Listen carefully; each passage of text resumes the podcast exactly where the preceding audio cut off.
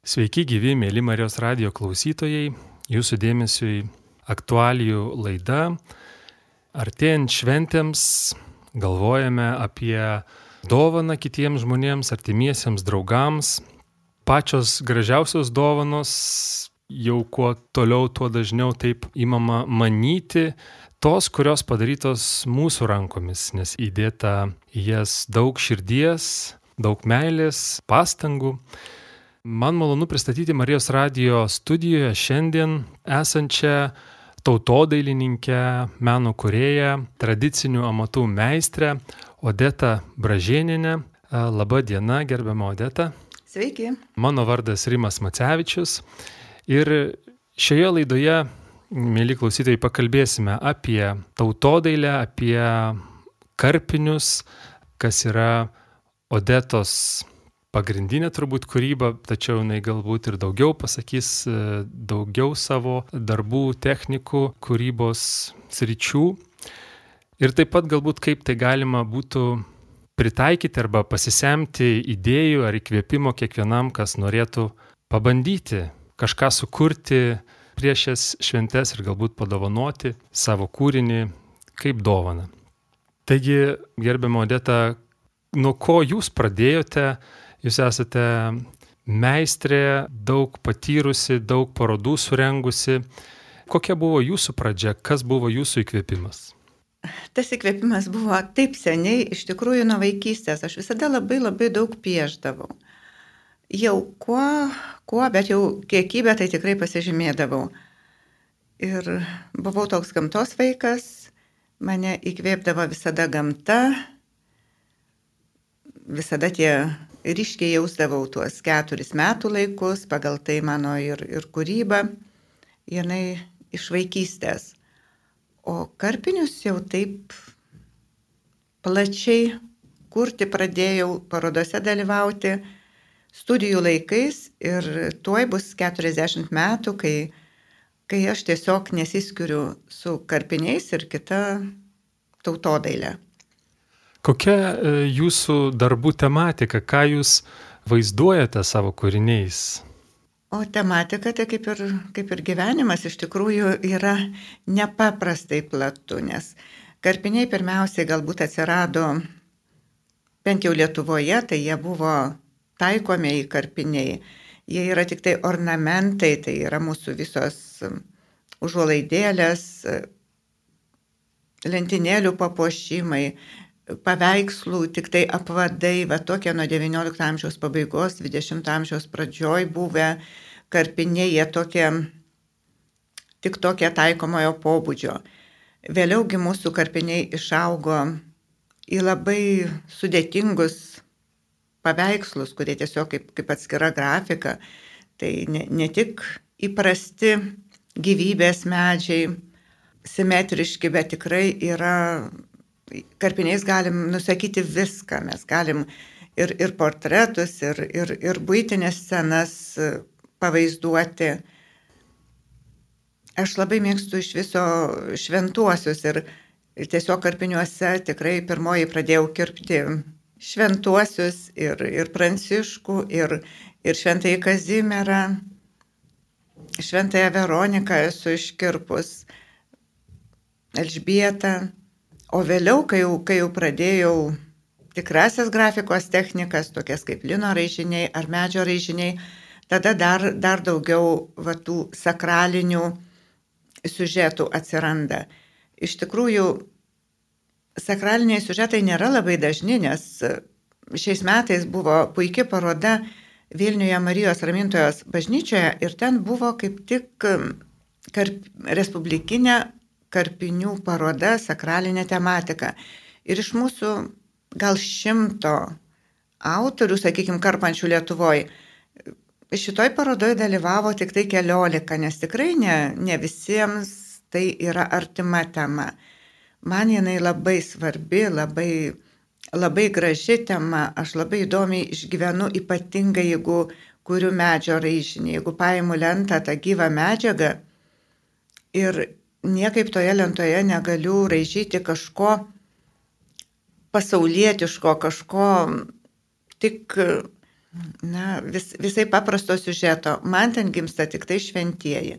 Panašiai kaip buvo irgi seniausi mūsų lietuviški tie medžio raižiniai. Ir, ir tokių šventųjų tikrai esu sukūrus labai daug. Pirmiausiai tai, ką na, man artimiausi, mylimiausi šventieji. Kurie jūsų yra, kaip jūs pasirenkat, kokius šventuosius atvaizduoti, jau paminėjot e, keletą, kuriuos esate išraižiusi, iš, iškarpisi. Kaip jūs renkatės ir šiaip ikonografijoje yra įprasti įvairių šventųjų skiriamieji ženklai, e, ar paprasta juos atvaizduoti karpiniuose, juk tai, aš taip įsivaizduoju, lik koks siluetas tas, tas atvaizdas yra. Atvaizduoti, kad jie būtų atpažįstami tie šventieji. Na, karpinys irgi nebūtinai siluetinis, mūsų karpiniai yra, yra iš tikrųjų keuraraštė, taip kad gali pilnai būti būt visas veidas ir, ir, ir akis ir panašiai, ir jie tikrai bus atpažįstami, o vis tik tai, man atrodo, vertingiausi, na, mano sukurti yra medžio raižiniai šventieji, mokausi ir, na, tos ikonografijos žiūriu labiausiai ne į kokius šventus paveikslėlius, ypatingai tuos lenkiškus gražius saldžius ir panašiai, kur, kur nu, na taip pat galima, galima suž... rasti, sakykime, ikonografijos dalykų, kas priklauso kuriam šventajam. Bet man labiausiai patinka žiūrėti ir mokytis iš mūsų senųjų meistrų skulptūrų. Kažkaip man, man labai artima ir, ir į mano tos medžio raižinius labai, labai dažnai ateina, ateina iš ten. O, o pasirenku net nežinau, kodėl pats pirmasis mano, sakykime, medžio raižinys buvo Šventasis Antanas. Šiaip, šiaip labai myliu tą šventąjį, tai buvo ir, ir mano tėvelis Antanas, ir, ir, ir vyro tėčio vardas Antanas, ir mūsų vyriausias sūnus Antanas, kažkodėl tie Antanas labai, labai artimas, labai dažnai ir, ir, ir kreipiamės maldoj į jį. O šiaip ir, ir Pranciškus labai artimas yra.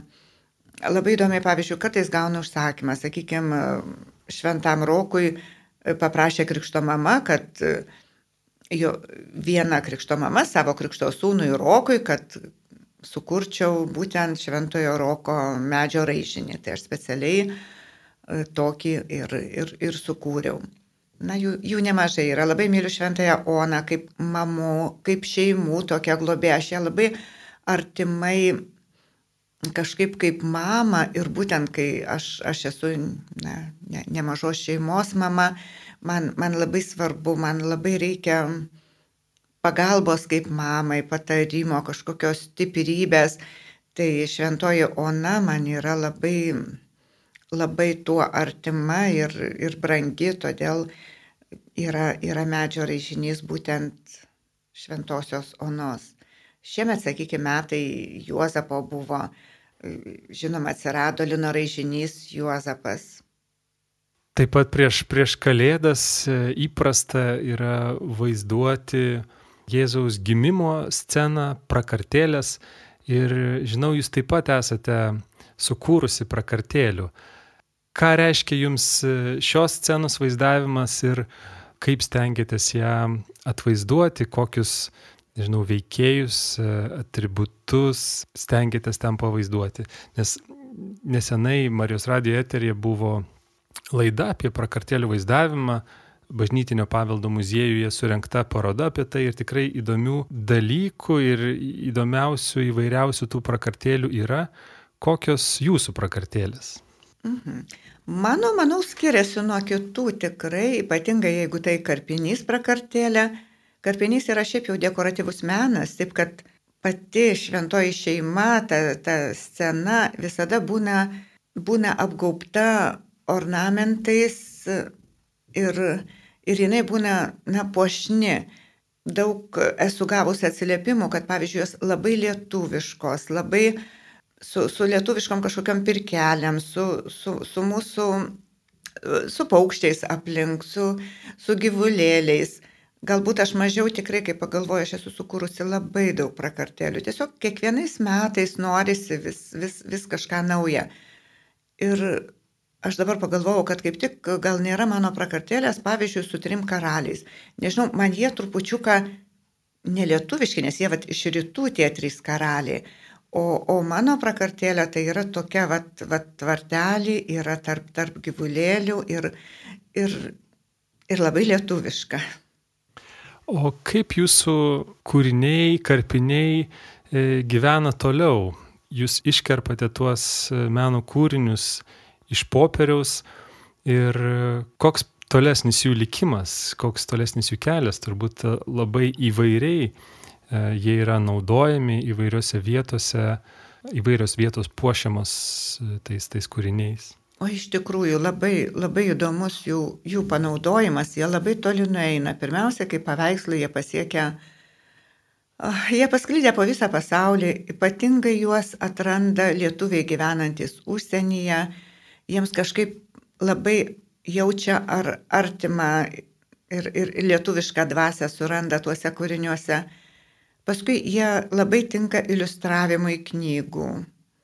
Aš šiaip esu išleidusi labai daug tų praktinių knygų, nes, nes kaip pedagogė matau reikalą ne tik pačios kūrybos, bet matau prasme išmokyti žmonės, kad ir jie galėtų pasidžiaugti tuo kūrybiniu procesu, už tai, už tai nemažai tų tokių mokomųjų knygų yra mano išleista.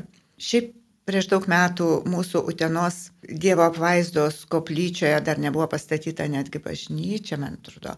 Tik, tik koplyčioje buvo didelė prakartėlė vien tik tai iš karpinių baltų. Buvo įspūdinga ir tiesiog žmonės, na, įsižiodavo, aikčiodavo pamatę, nes nes tas baltumas, balta spalva, na, tas subtilumas karpinio man atrodo labai labai tinka kučioms ir, ir, ir kalėdoms.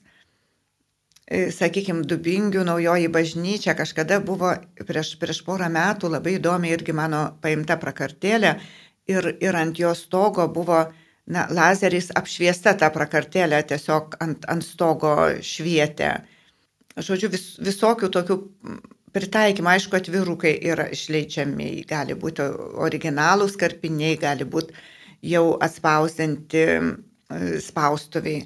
Sakykime, šiemet pabandžiau rudenį, kai kryto medžio lapai, aš labai daug prikarpiau karpinių iš, iš, iš tų rudeninių medžio lapų.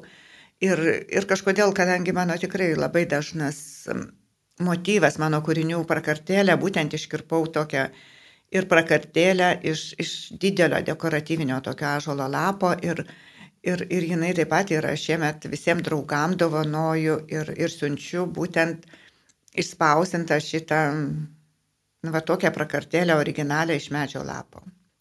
Taip pat teko girdėti, kad vienas iš jūsų karpinių netgi buvo ištatuiruotas tatuiruotės pavydalu. Taip, taip yra iš tikrųjų labai daug, man reikėtų labai na, susirinkti, pas, pasižiūrėti, kur jie buvo pritaikyti. Sakykime, prieš metus buvo paroda, toks pokalbis mūsų Leliūnų bažnyčioje. Ir kai aš nuėjau apžiūrėti tos bažnyčios, pavyzdžiui, kur, kur bus tie paveikslai, ir aš pamačiau jos pagrindinės tokias plačias tamsias labai duris. Ir aš iškart supratau, kad ant tų durų fantastiškai atrodytų baltas, didelis iškarpytas karpinys. Ir, ir nepatingėjau porą savaičių skirti laiko iš tikrųjų tik tai šitam karpiniui dėl to vat įspūdžio. Jis, jis daugiau niekur nebus rodomas, jis, jis buvo demonstruotas tada, eksponuotas bažnyčioje ir dar planuojama šiais metais jį būtent per gavėnę, nes ten pagrindas yra kryžius ir, ir būtent gavėnios metu atrodo įspūdingai, nes tai yra apie 4 metrus aukščio, apie porą metrų ten jo pločio gaunasi, žodžiu, toksai tikrai įspūdingas karpinys. Mėly Marijos radio klausytojai, šiandien aktualijų laidoje kalbame su Odeta Bražėninė, tautodailininkė, meno kurėja, tradicinių amatų meistrė. Kalbamės apie gerbiamos Odetos kūrybą, kalbamės apie karpinius ir galbūt dar spėsime pakalbėti, kaip kiekvienas gali būti įkvėptas ir pabandyti karpyti net prieš šias šventes, pasipuošti savo aplinką ir galbūt savo sukurtą karpinį ir padovanoti artimiesiems, draugams. Gerbiamo Odeta, sakykite, kokia yra situacija Lietuvoje su šia kūrybos forma, karpiniais. Minėjote jau šioje laidoje apie keletą parodų, minėjote apie šimtą kuriejų, kurie kūrė, keliolika, kurie e, eksponavo savo kūrinius, e, sakralinę tematiką. Ar paplitusi ši meno forma, ši technika Lietuvoje, ar daug yra įvairiausių ligmenų, ar vaikai, mokiniai imasi karpyti, ar tęsia paskui toliau savo kelią jau įgūdę kuriejai? Aš manau, karpiniai labai paplitę Lietuvoje. Iš tiesų, dabar kiekviena, kiekviena mokytoja, darželio auklėtoja, juk na, mokytoja turiu menį mažųjų klasių, vėliau jau vyresnių ten dailės ir technologijų mokytoja, turbūt e, tikrai neapseina be karpinių technikos, nes jinai labai daug kur panaudojama. O šiaip tai sakau, kad kalėdos neįmanomos irgi be karpinių, kadangi ta pošyba pagrindinė kalėdoms tai yra Tai yra tikrai tik tai karpinių pagalba. Aš netgi 2016 metais išleidau tokią knygą Karpiniai kalėdoms ir, ir joje vien tik tai darbeliai ir praktiniai dalykai karpiniams. Dabar mano, sakykime, galbūt čia aš truputį jau, jau, jau iš šoną einu, bet iš tikrųjų labai noriu pasakyti, kad ir paraginti visus. Dabar dar labai laikas iki kalėdų spėt sukurti kažką savo rankomis. Nes man labai liūdna, kada dabar prekybos centruose yra jau gatavos dovanėlės, net kaspinėlis užryštas, net e, sveikinimas parašytas. Ir gauni tą dovaną ir suprantat, kiek ką tas žmogus sumokėjo pinigus. Ir viskas yra tik tai kažkaip pinigai ir, ir viskas. Ir nėra tos šilumos. Visada norisi, visada kažkaip tai džiugina tai, kiek, kiek tu žmogui skiriai savo laiką. Laikas tai yra, nu, gal brangiausias dalykas, ką galim skirti savo artimam žmogui, savo draugui. Ir, ir va, tas laikas reikalingas sukurti kažkokią dovaną kalėdom. Paskirt laiką su vaikais, mamom su vaikais sėdėti ir kurti kažką savo draugam, močiutėm galbūt su anūkais pabūti aš visada pabrėžiu, kad galbūt tegul, tegul liks ne, nepadaryta kažkoks kampas neišvalytas mūsų namų, galbūt dar, dar kažkas e, būti nesuspėta, bet to bendro laiko labai reikia. Mūsų vaikai taip greit išauga ir jeigu jie nepabus toj bendroji, nu, va, tokio, tokio gražaus laiko neturės bendro prieš Velykas, prieš Kalėdas, bent jau tada mes galim juos atitraukti nuo telefonų ir, ir turėti tokį gražų laiką, kada jie tada įsišneka. Ir ne tik svarbu kūrybos rezultatas, visada yra labai svarbu kūrybos procesas. Vienas tas kūrybos procesas džiugina labai daug gerų emocijų duoda, jeigu tu esi ir vienas kuri, bet visai kas kita, jeigu, jeigu tu su vaikais ir tai perduodi. Sakykime, prieš kalėdas visada padaugėja kažkokių ir edukacijų. Mane kviečia į mokyklas, kviečia į visokiausias bendruomenės ir ne tik mane, visos mano karpytojos kolegės yra tikrai užimtos prieš kalėdas va tokiais pabuvimais, labai gražiais adventiniais vakarais, kada, kada bendruomenės tiesiog nori sėdėti ir kažką sukurti. Ir, ir tai, ką sukuria savo rankom, padovanoja. Tai pradedant snaigiam, ką mes kūriam iš, iškarpom kalėdom, tai yra ir atvirukai labai tinka ir ant langų didelės puošmenos, pavyzdžiui, iš didelio popieriaus lapo su, sukurtos, sukurti angelai ar, ar kitos kalėdinės puošmenos. Aš visada sakau, tai, vad jeigu mes papuošiam savo langą, tai yra dovana kiekvienam praeinančiam. Kas, kas praeis pro, pro namą, pro tą langą, jis bus tarsi pasveikintas. Tai yra mūsų, mūsų pasveikinimas kiekvienam praeiviui. Dar ir, ir YouTube'ai dabar yra mano filmukų, tiesiog aš, aš mokau, sakykime, kaip sukurti popierinę angelą, kaip sukurti popierinę eglutę. Ir ten galima susirasti ir, ir tiesiog dar išmokti iš labai labai paprastom technikom, e, bet padaryti tikrai tokį nuostabų dalyką, kurį, kurį padovanosi, kurį tą angelėlį galima įdėti į voką, išsiųsti e, kartu prie atviruko, prie, prie dovanėlės, o jis yra toksai, na, stovintis, po to vėl pastatai ir atrodo iš popieriaus, bet kiek jis nuostabių emocijų suteikia.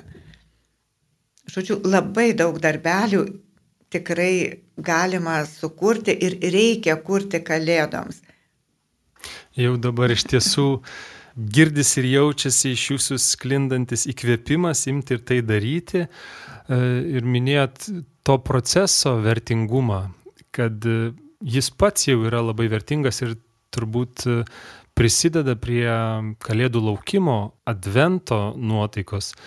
Koks yra jūsų procesas, kaip jūs kūrėte, ar turbūt viena, galbūt ir su, su kitais, ir kaip jūs išskirtumėt, įvardintumėt e, jūsų nusistovėjusi kūrybos procesą ir ką iš jo, vien iš jo gaunate, jeigu nekalbėtume apie rezultatus, kurie yra labai gražus. Iš tikrųjų, visada gyvenime jaučiau, kad man svarbiau ir, ir, ir daugiau duoda iš tikrųjų tas kūrybos procesas, o ne rezultatas. Gerai džiugina parodos, džiugina, sakykime, išleistos knygos, kažkokie apdovanojimai ir visa įvertinimai, bet paties kūrybinio proceso, kada tu, tu esi kūrėjas, žodžiu, nieks, nieks negali tam prilygti. Ir aš nuo mažumės, kai mano vaikai dar buvo maži, mes visada kurdavom kartu mes visada jie ir jie išaugo, nesvarbu, kad jie pasirinko, sakykime, sūnus rimtas tokias inžinerinės specialybės, bet jie yra kūrybingi e, ir, ir meną suvokiantys žmonės ir, ir, ir tai prideda jų gyvenimai ir prasmės, ir laimės, ir, ir, ir kitokių dalykų. Ir mane, aišku, be, be galo džiugina mažosios dukrytės, Adelės būtent pas, pasirinktas būtent autodailininkės kelias ir jinai tikrai nepaprastai kūrybinga ir matau, kiek jinai iš, na nežinau, iš savęs, iš, iš, iš prigimties turi, turi idėjų, tai yra visai, visai kit, kitos mintys, kit, kitas lygmuo, kitas, kiti vaizdiniai, motyvai, sakykime, jos kūryboje negu mano ir, ir tai be abejo džiugina. Ir matau, manau, kad tai yra išdava to, kad, kad Adėlė, sakykime, gal nuo dviejų metukų jau su, su žirklėm ir kada karpydavo jos vyresni broliai ir sesė, tai jinai, jinai taip pat norėdavo ir, ir visi, žodžiu, žmogus kūrybingas, na, jis, jis man tikiuosi, kad jisai ten neturės kažkokių problemų psichologinių, nes jis galės savo kūrybos procese tiesiog išgyventi, pa, palikti ten liūdėsi ir, ir pasipildyti teigiamom emocijom. Perdavimas e, iš kartos į kartą e, ir jūs esate tautodailininkė ir jau paminėjot, kad jums svarbus tas e, lietuviškumas ir vaizduojant prakarteles ir, ir kitus kūrinius, kuriant, kiek karpiniai yra toks išskirtinai lietuviškas kūrybos žanras, jeigu taip galim pasakyti. Koks yra kontekstas, jūs keliaujate po pasaulį su savo kūriniais ir jūsų kūriniai keliauja. Koks yra tas karpinių kontekstas pasaulyje ir galbūt kuo išsiskiria lietuviška tradicija, lietuviški vaizdavimai, atvaizdai, tai, kas vaizduojama kerpant. Na, iš tiesų mes jokių būdų negalim pasakyti, kad karpiniai tai yra lietuviški. E, kinai pradėjo, su, kai atrado popierių prieš gerus 2000 metų, jie ir karpyti pradėjo ir, ir jie, jie karpo visus, visus tos tūkstančius metų. Jie yra neprilykstami šitoj srity ir panašiai. Ir kiti rytiečiai, žodžiu, kerpo vienaip, jų, jų siužetai vienokie, juos įkvėpia, sakykime, ten tie kiniečių metai. Jie, jie būtinai prieš savo naujosius metus ten, ten visus ženklus kerpa ir panašiai. Europa vėl kitaip, e, gerokai vėliau atėjo popierius, tiesiog su popieriaus ateimu ateina ir, ir karpinių menas. O Lietuva jau minėjau, kad pirmieji mūsų karpiniai tai buvo tie tradiciniai iš biednumo kaimuose, kada puošia būti, tiesiog užuolaidų reikėjo, reikėjo papuošti lentynėlės, žibalinės lempas ir, ir viską, net, netgi karstus papuoždavo siauromis iš balto popieriaus iškarpintomis juostelėmis tiesiog iš biednumo. Tai buvo visoje Lietuvoje, tik tai kaimuose. O dabar, dabar jau karpiniai yra tiesiog labai rimti paveikslai ir panašiai. Tematika taip pat, žinot, pavyzdžiui, simetrišką gyvybės medį, na, rastumėm kūriama ir kerpama visam pasaulyje, turbūt labai labai daug, daug šalių. Ir, bet jeigu mes žiūrėsim, mes atrinksim ir tikrai, ko ne kiekvienas pasakysim, kuris tas gyvybės medis yra lietuviškas. Yra, yra tam tikri ženklai, yra ir, ir paukščiai mūsų kitokie, ir, ir, ir vaizduojami, ir, ir žodžiu, ir medžiai, ir, ir, ir visa galbūt mažiau įmantrumo lietuviškos karpiniuos, vat mūsų kitokie. Geriau turbūt nusakytų menotyrininkai tai, tai pažiūrėję, bet mes, mes darom, mes kuriam. Ir visai negalvodami, kad, kad mes turim, kur, kaip jūs sakėt, prakartėlės mano, aš tikrai negalvoju, kad specialiai aš jas turiu daryti lietuviškas jokių būdų, bet kai žmonės pamato, jie, jie, jie sako, kad jos labai lietuviškos, tas pats ir tie bendri kitų, vat, visų Lietuvos kuriejų darbai, nori, nenori, jie kažkodėl, kažkodėl gaunasi lietuviški, tik tai, tik tai mums būdingi. Nors tikrai panašus ir slavų karpiniai yra, yra, sakykime, ukrainiečių, lenkų ir baltarusių, labai irgi yra simetrija, viską, na bet sudėkim kartu ir, ir mes skirsim, kur lietuviški ir kur, ir kur slaviški. Kokius savo kūrinius jūs pati išskirtumėt, kurie jums yra mėgstamiausi, ypatingi kažkuo, jeigu įmanoma, tai padaryti sukūrus tiek daug? Na, turbūt tie, kurie daugiausiai laiko atima, prie kurių daugiausiai prabūnė, tai jie, jie ir, ir tampa tiesiog, tiesiog numylėtiniai. Tai pirmiausiai medžio raižiniai. Iš tikrųjų, kol aš tą šventąjį, sakykime, šventąją Liuciją neseniai sukūriau, ar, ar, ar Mykolą Arkangelą, tai kol aš jį sukūriu, aš kiek mėnesių, kol išraižau talentą, e, kiek mėnesių užglostau aš tą šventąjį, tą, tą talentą, e, kiek, kiek minčių tenai sudedu iš tikrųjų. Tai kai, kai jau atspaudžiu, kai pamatau tą rezultatą, na, žodžiu, Manau, kiekvienas medžio raižinys man yra labai labai brangus. Jų sukūri nedaug, jų yra vieną, du, nu, tris maksimum per metus, nes iš tikrųjų tai ir sanariai labai, na, žodžiu, nuvargsta tą, tą darbą dirbant. Na, yra karpinių galbūt tokios serijos, žymesni ciklai. Sakykime, pradėjau tokį ciklą Lietuvos dvarai. Ir jų taip pat nedaug per metus atsiranda po keletą, bet jau dešimt metų, po du, tris irgi darbus vis atsiranda ir, ir, ir tas ciklas yra labai gražus ir, ir dabar jisai eksponuojamas, vis papildant kasmet po, po, po keliais, e, būtent Lietuvos dvarų galerijose. Na ir, ir kiti, sakykime, karp, karpinių ciklai.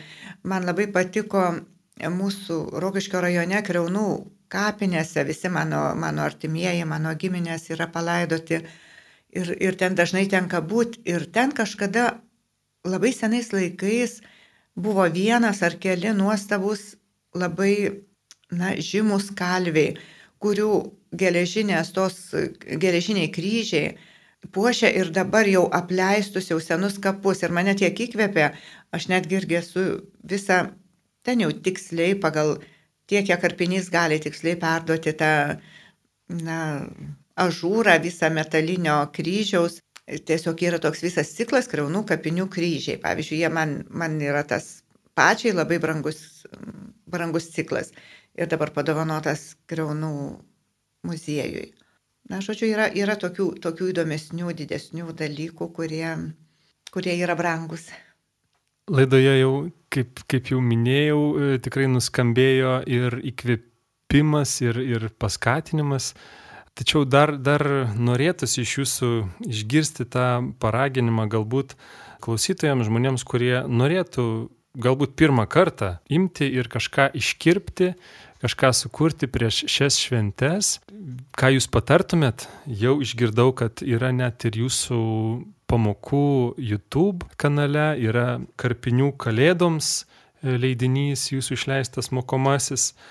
Kaip jūs paskatintumėte imti ir kažką sukurti žmonės prieš šias šventes? Um, pamačius jūsų darbus gali uh, susidaryti dvie, toks dviejopas įspūdis, kad uh, noriu imti ir bandyti, bet kita vertus jie tokie gražus, tokie sudėtingi, kad atrodo, kaip primityviai atrodys tas mano karpinys, ar vertėtų apie tai galvoti. Žodžiu, koks būtų tas jūsų paskatinamasis, paraginamasis žodis norintiems pabandyti? Na, radio eterio bangomis tai yra tikrai labai sudėtinga.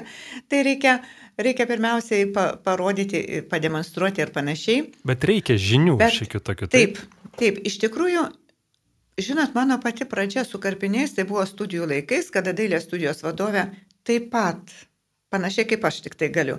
Jis sakė, mergaitės, pabandykite dabar padaryti namie karpinį. Nu va taip, sulenkėt lapą per pusę, spalvotą lapą, įsipešėt pusę piešinio, iškerpat ir kai atlenksit bus visa simetrija. Ir daugiau mes nieko nežinojome, mes nebuvom matę nei vieno karpinio.